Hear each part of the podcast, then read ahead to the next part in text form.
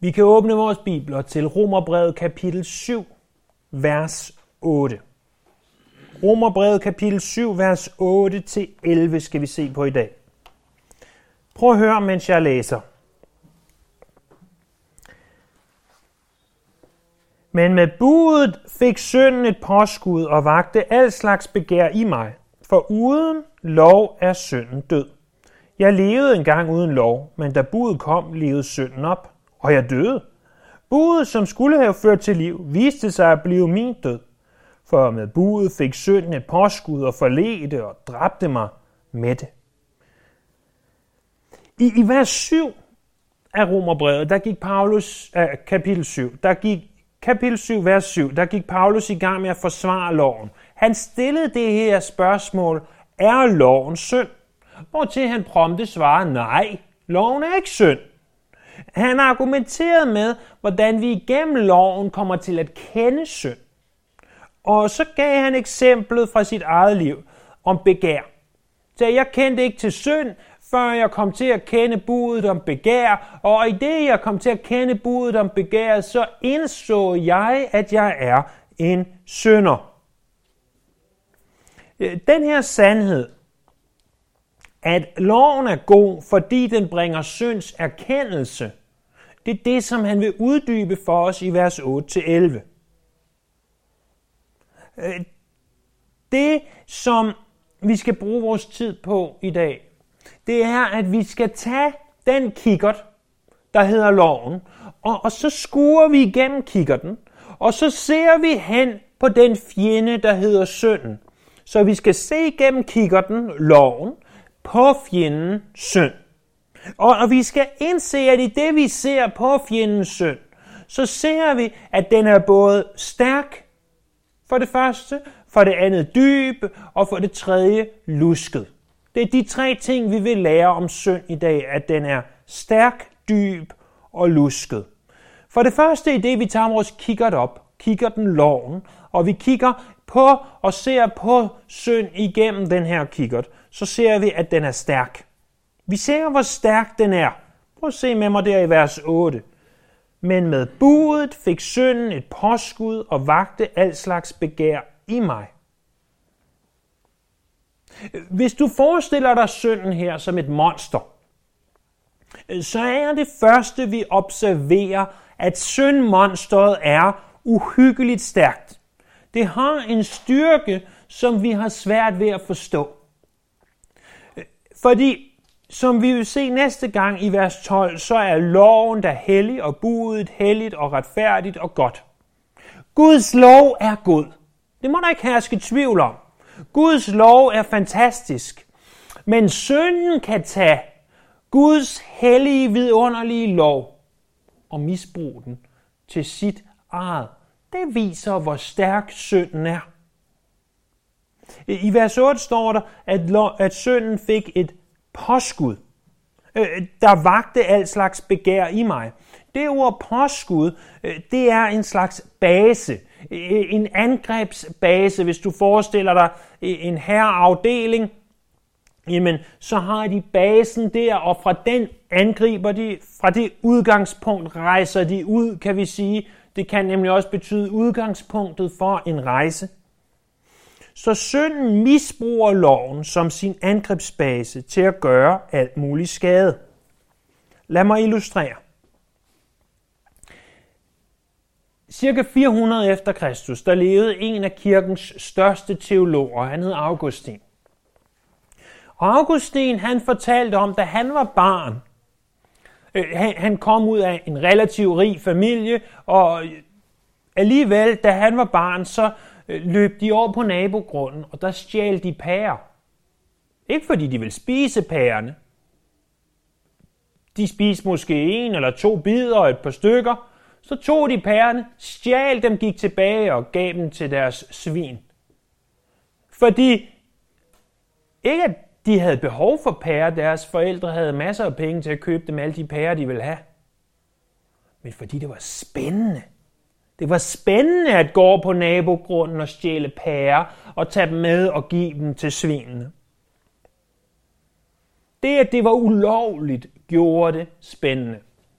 En anden illustration fra mit eget liv, fra da før jeg blev kristen, øh, og øh, det her, det vil øh, datere mig, fordi det var før, at man havde Mofibo og andre ting, hvorpå man kunne lytte til sine lydbøger. Nej, der gik man på biblioteket. Og på biblioteket, der lånte man en lydbog. Og så tog man sin trillebør med, fordi den bestod typisk af så mange kassettebånd, så at, at det altså var 20, 30, 40 kassettebånd for at få den med hjem. Og jeg havde engang lånt Ringenes Herre på lydbog. Og, og jeg lyttede til den. Og, og så skulle jeg sætte et nyt bånd i. Og så fik jeg en idé. For på båndet stod der, må ikke kopieres. Så tænkte jeg, det var da en fantastisk idé. Det vil jeg gøre. Fordi det var forbudt, så vækkede det alt slags lyst til at bryde loven i mig. Og det er jo også derfor, at når nogen skriver nymalet på en væg, så skal vi næsten hen og lige ryste. Er det nu også sandt, den er nymalet? Hvorfor? Hvorfor? Øh, der er aldrig nogen, der ellers vil røre ved det gelænder, den væg eller den ting. Men fordi der så nymalet må ikke berøres, så får vi lyst til det. Men tænk på det, mere end det. Da Adam og Eva var i Edens have, og, og den oprindelige synd kom, du har den her fantastiske have, Edens have, med træer øh, med frugt, som smager bedre end noget, du kan købe i supermarkedet. Du har bananer, du har appelsiner, du har sikkert også æbler og pærer, og du har alt muligt andet, du kan spise. Du har måske mangoer, du har øh, øh, øh, vandmeloner, alle mulige ting, du kan tage og plukke og spise, og vindruer, hvad ved jeg. Og al den frugt, som hjertet måtte begære og mere til. Så siger Gud, der er et, et eneste lille bitte træ, hvor I ikke må spise. Og straks så står de der. Straks vil de have det træ. Straks er det det træ, der er spændende. Straks er det det træ, der er interessant. Fordi det træ er ulovligt.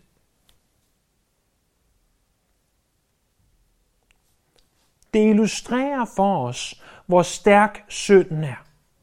At synden kan tage ikke bare et skilt, hvorpå der står nymalet, eller kassettebånd, hvorpå der står, må ikke kopieres og misbruge det, men det kan tage Guds hellige lov, som vi finder den i Bibelen, og misbruge den, så at når vi får at vide, du må ikke stjæle, så får vi lyst til at stjæle. Når vi får at vide, du må ikke lyve, så får vi lyst til at lyve. Så stærk er synden. At når loven siger forbudt, så siger vi, her kommer jeg. Det vil jeg. Det har jeg lyst til. Vi ser det som en mulighed, i stedet for som et forbud. Måske har du følt det her. At i det, jeg står her, øh, fra øh, prædikestolen med åben bibel, og du sidder der med åben bibel, og du lytter. Du ved, du er her til søndags gudstjeneste for at tilbe Herren. Du er her, fordi at du tilbeder den hellige, mægtige Gud. Du tilbeder den opstandende Jesus. Og du sidder her og lytter. Og, og så kommer jeg med en illustration, næppe den om kassettebånd, eftersom det nok ikke kan lade sig gøre længere, men andre illustrationer om sønder, som du godt ved er forkert. Og jeg giver den her illustration, og måske begynder du at sidde og fantasere om, Nå ja, det kunne da egentlig også være spændende at bryde loven på den måde. Og pludselig stopper du op og tænker, hvad er der galt med mig? Hvordan kan jeg sidde her en hellig søndag og høre Guds ord udlagt, og pludselig få den tanke at bryde den lov, som prædikanten står og siger klart og tydeligt er synd. Hvordan kan jeg få den tanke?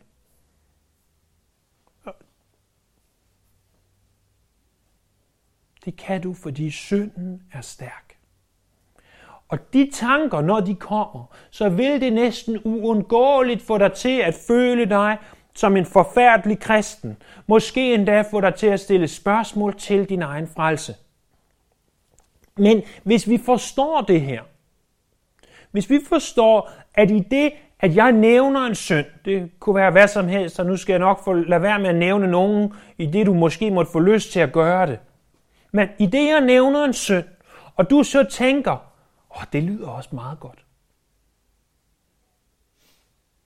Og du så bagefter tænker, jeg er forfærdelig menneske. Hvorfor kan jeg tænke sådan? I det, jeg sidder med Guds hellige ord åbent foran mig. I det, jeg hører ordet udlagt. Hvordan kan jeg tænke sådan? Jeg er da et forfærdeligt menneske. Er jeg overhovedet en kristen? Men i det, at du indser, at det er forkert at tænke sådan, når du hører sådan, så viser det dig ganske tydeligt,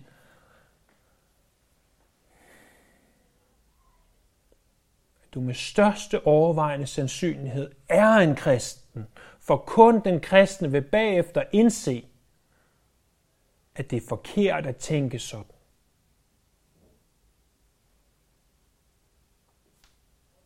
Det viser os, hvor stærk synden er. At den kan tage selv udlægningen af hans ord. At den kan tage illustrationer fra øh, hverdagen og misbrug til at du får lyst til at bryde lov. Så stærk er synden. Vi har vores kikkert. Vi kigger på syndmonstret, og vi ser, hvor stærkt det er. Men for det andet ser vi også, hvor dybt det er. Prøv at se videre med mig der i vers 8. I vers 8, der ved, ved punktummet, der står, for uden lov er synden død. Jeg levede engang uden lov, men da budet kom, levede synden op, og jeg døde. Budet, som skulle have ført til liv, viste sig at blive min død. Det næste, vi observerer, det er, hvor dybt det her syndmonsterproblem stikker i os. Når vi taler om, hvor dybt noget stikker, så er det typisk et eller andet i retning af, det kunne være, hvor dybt korruptionen i en regering stikker. At selv lederne er med, så dybt stikker det her problem. Det kunne også være, at håndværkeren kommer på besøg og siger, så dybt stikker problemerne i dit hus, at det skal jævnes med jorden, og der er aldrig nogen mennesker, der skal bo på den matrikel igen. Syndmonsterets rækkevidde er dyb. Synden rækker helt ned i dit hjerte og får dig praktisk talt til at dø. Der står her, at uden lov er synden død. Og det hører altså bedst sammen med det her punkt, selvom det stod i vers 8. Når loven ikke er der, så er det som om, at synden er død. Det er altså relativt. Det, det er, at, at når, vi, når vi ser på, at der ikke er nogen lov, så ved vi ikke, hvor grænserne går. Så siger Paulus, jeg levede engang uden lov. Altså, med andre ord, jeg levede efter min egen opfattelse af, hvordan tingene burde være. Jeg tænkte, jeg var egentlig god nok. Kan I huske ham, den rige unge mand i Markus kapitel 10, der kommer til Jesus og siger, hvad skal jeg gøre for at have evigt liv? Og Jesus siger til ham, hold budene, og den unge mand siger, hvad for nogen? Og så nævner Jesus en række af de bud, der har at gøre med andre mennesker. Og så siger det har jeg alt sammen gjort. Han tænkte, det, det, i mine egne øjne, der har jeg gjort alt det. Og så siger Jesus, ja, det kan godt være, du tror, men så gå ud og sælg alt, hvad du har, og giv det til de fattige. Og så er det, at han går bort ganske bedrøvet, for han var meget rig. Men Paulus selv, før han blev en kristen, i sine egne øjne var en fantastisk mand. Han sagde, jeg var hebræer og hebræer, jeg var den bedste jøde, du kunne forestille dig. Jeg var farisæer af farisæer, jeg var den bedste farisæer, du kunne forestille dig. Hvis nogen nogensinde arvede evigt liv ved at være et godt menneske, så var det mig. Jeg levede det retfærdige liv. Jeg troede, at jeg gjorde alt det rigtige. Men så står der, men da budet kom, så levede synden op, og jeg døde. Når noget lever op, så betyder det, at det har ligget i dvale, men nu bliver det levende. For synden, den originale synd, den har jo hele tiden været i Paulus. Det har vi lært i kapitel 5. At vi bliver født ind i den her verden som syndere, og det vil sige, at i det, vi bliver født, så har vi synden i os. Men da budet kom, skriver Paulus. Hvad betyder nu det? For Paulus levede, lad os sige, cirka 50 efter Kristus. Og hvornår kom budet? Jamen det kom cirka år 1400 før Kristus. Budet havde altså med andre ord været der i 1450 år. Hvad mener Paulus så med, da budet kom? Det var ikke, da det blev skrevet, fordi at Paulus har med højst største sandsynlighed kendt til det her bud fra siden før han øh, næsten kunne tale og gå. Det, det var typisk for, for jødedrenger, for farisærbørn. De, selvfølgelig kunne han de 10 bud. Selvfølgelig vidste han, at han ikke måtte begære. Øh, det, det kunne han næsten udenad. Men han forstod det. Det var da han forstod det, det var da han blev klart for ham. Har du nogensinde prøvet at sidde der og læse i din bibel? Og, og du læser dig af, og du har læst det her, du har hørt det her 10, 20, 30, 40 gange før. Og pludselig læser du det.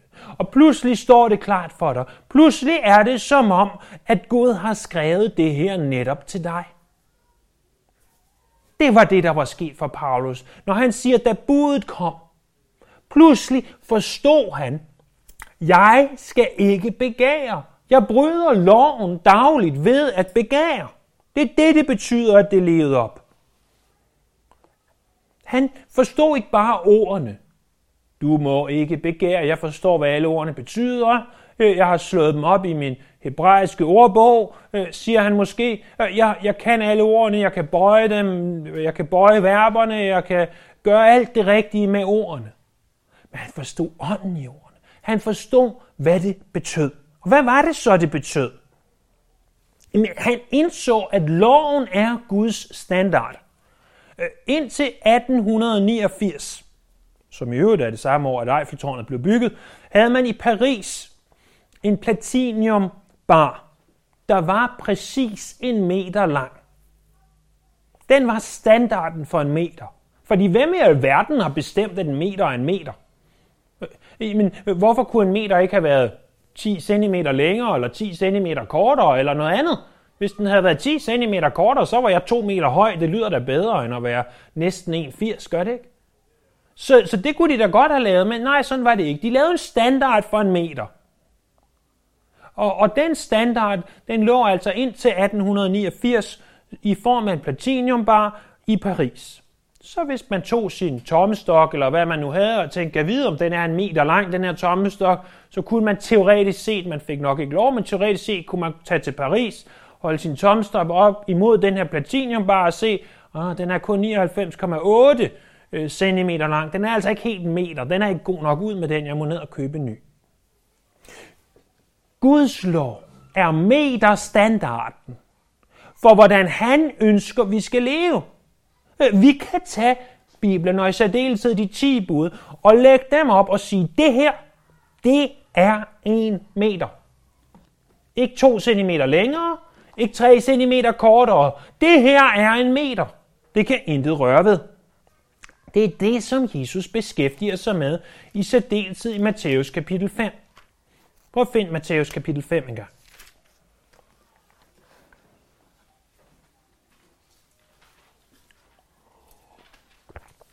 Matthæus kapitel 5, 6 og 7 er, jeg vil næsten sige naturligvis, de tre kapitler, som vi bedst kender som bjergprædiken. Der, hvor Jesus går op på et bjerg eller en bakkeskåning, og så tager han til ord, og så lærer han dem. Det, det er pakket med vidunderlig lærdom. Og det, som Jesus han gør i Matthæus kapitel 5, det er først, så viser han os i kapitel 5, vers 3-12, hvad en kristen er. Hvad er det at være salig, at være lykkelig? Hvordan bliver vi, eller hvordan er vi en kristen? Og det viser han også i de vers. Og, og så derefter, så går han tilbage til, og så siger han, jamen, vi er nødt til at indse, at vi alle er syndere. Nøjagtigt det samme, som Paulus han prøver at få os til at forstå i Romerbrevet. Og så opsummerer Jesus det her og siger, Guds meterstandard, prøv at se 5.48 Matthæus, Guds meterstandard, den er den her. Så vær da fuldkommende, som jeres himmelske fader er fuldkommen.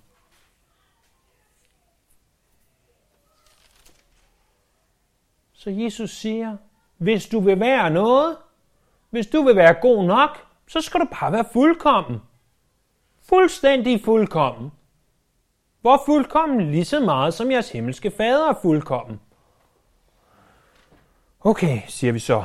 Jamen, er vi så virkelig så forfærdelige, som Paulus skriver, og som Jesus siger her? Jamen, prøv at se, hvad Jesus siger om synd.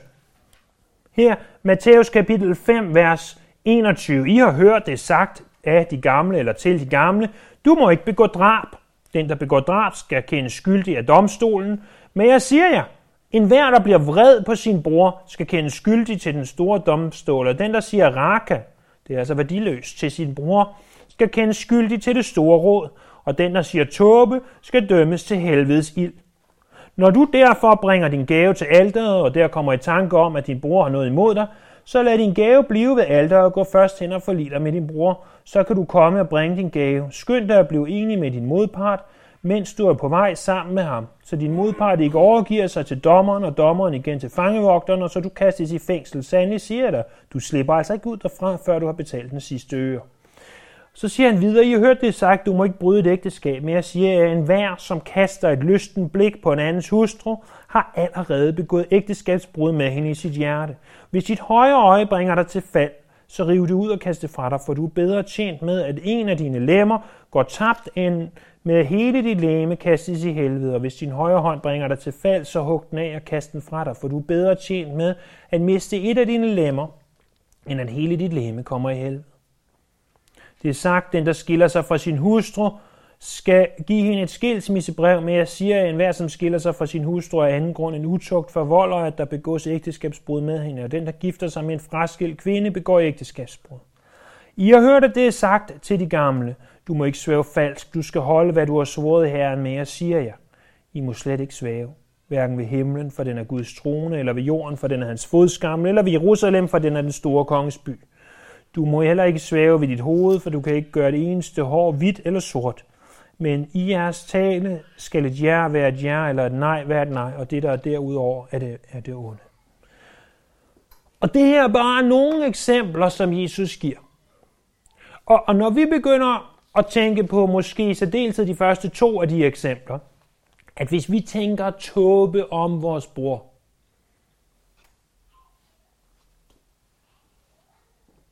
så skal vi dømmes til helvedes ild. Og hvis vi kaster et lysten blik på en anden mands hustru, så har vi allerede begået ægteskabsbrud med hende i vores hjerter. Indser vi så, at ingen af os lever op til Guds fuldkommende meterstandard? Ingen af os når den til sokkeholderne. Vi har alle sammen at give fortabt. Det er så dybt, at synden stikker.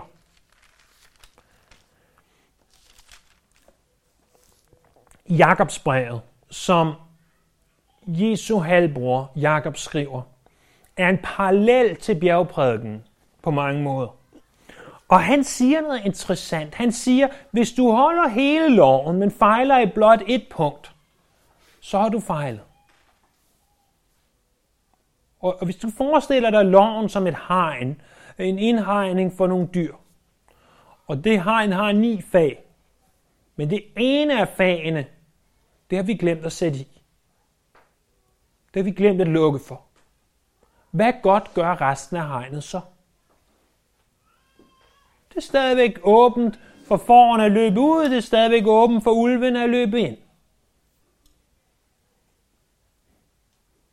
Du er nødt til at leve det fuldkommende liv. Og jeg håber, at du ikke tror, at når du går ud af døren i dag, så siger du, nu skal jeg ud og leve det fuldkommende liv, for det vil være misforstået, for det kan du ikke. Hele pointen i det, Jesus siger i bjergprædiken, hele pointen i det, Paulus han har banket ind i knollen på os, i Romerbrevet, det er, du kan ikke. Du kan ikke. Du er oppe imod en fjende, som du ikke kan besejre. Du er oppe imod en fjende, synden, som er så stærk, at den kan misbruge Guds hellige lov. Du er oppe imod en fjende, synden, som er så dyb, at den går helt ind i dit hjerte og gør ting, som du aldrig troede, du var i stand til.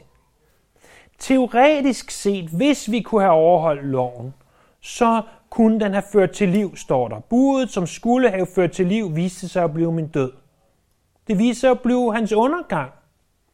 Han indså, jeg er fattig i ånden, er det udtryk, som Jesus bruger i bjergprædiken. Han indså, jeg, jeg har ikke nok til at kunne præstere det her. Jeg er fattig. Jeg behøver noget andet. Jeg behøver en, der går ind og betaler regningen for mig. At være fattig i ånden er det samme som at indse, hvor dybt synden stikker.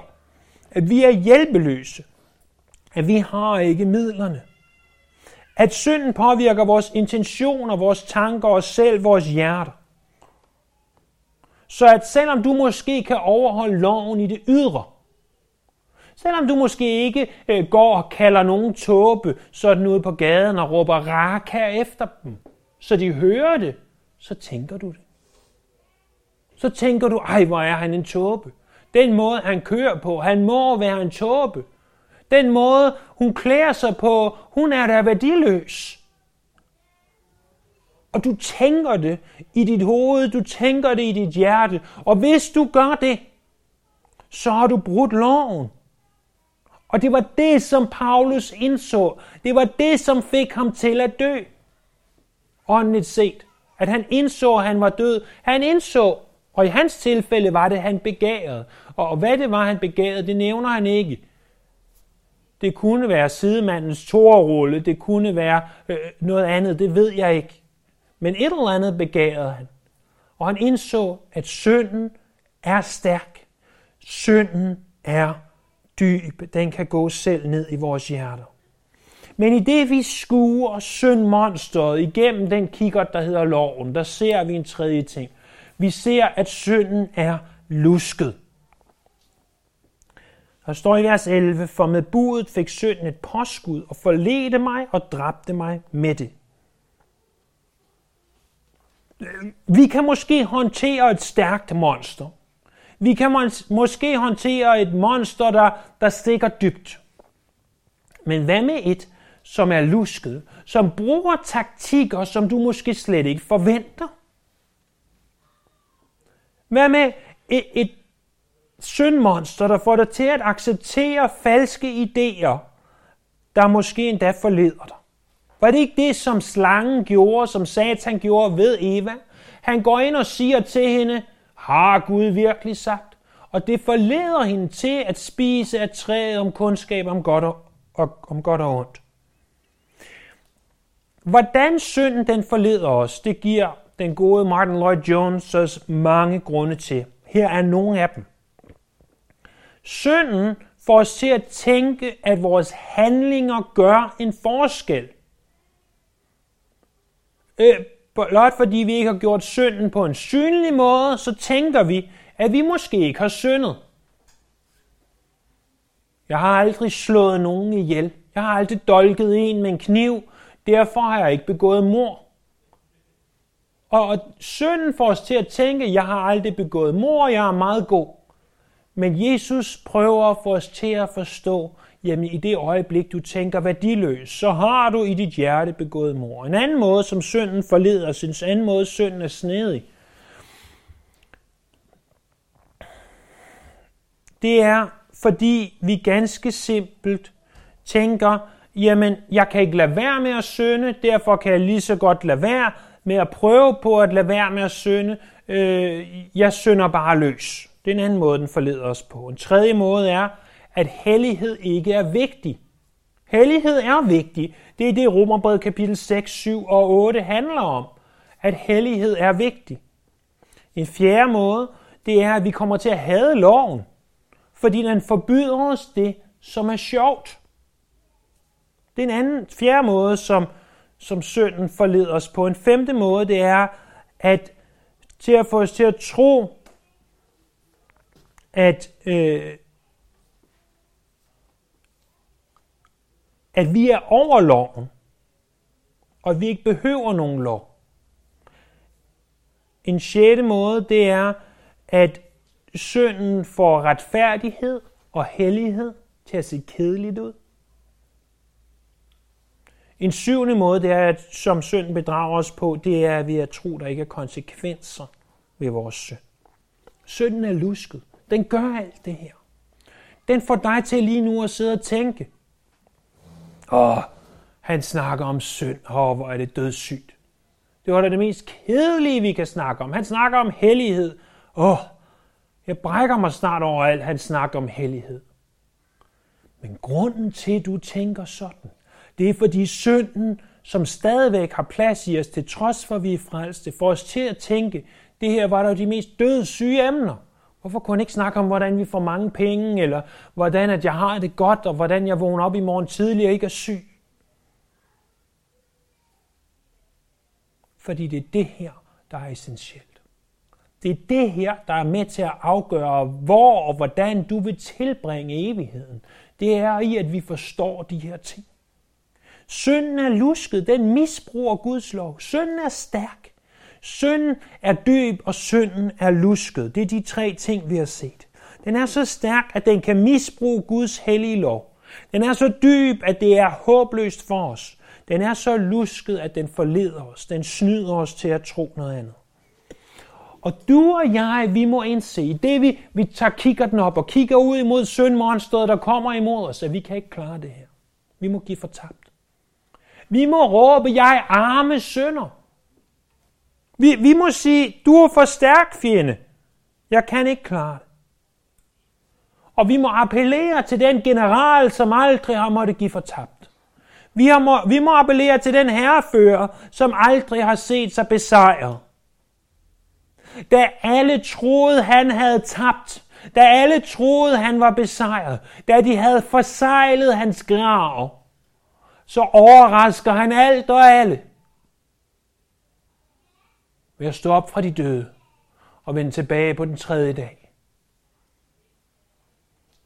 Det er den general, der har kæmpet. Det er den general, der har sejret.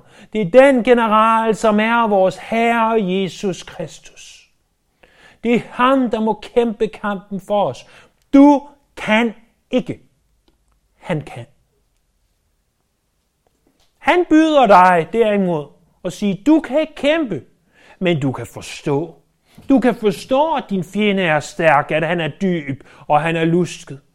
Og at du behøver en anden, der må kæmpe kampen. Du må se hen til mig. Du må se hen til mig, den korsfæstede og opstandende herre. For vores general er stærkere. Vores general rækker dybere, og vores general lader sig ikke overraske af nogen lusket taktik. Intet. Og ingen vil kunne bekæmpe ham. Lad os bede.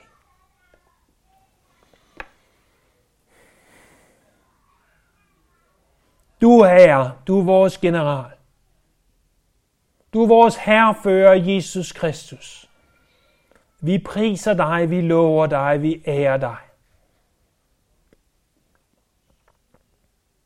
Tak, at du har vundet sejren på Golgata. Tak, at vi kan få lov til at leve i den sejr.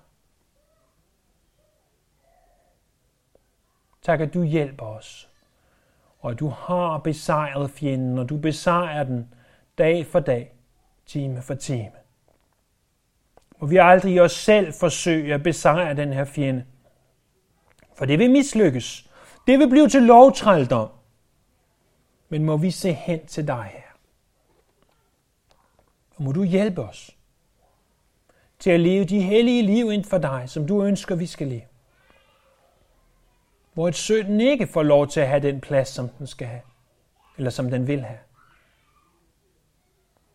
Vi lover dit navn her. Vi priser dig, og vi ærer dig. Amen.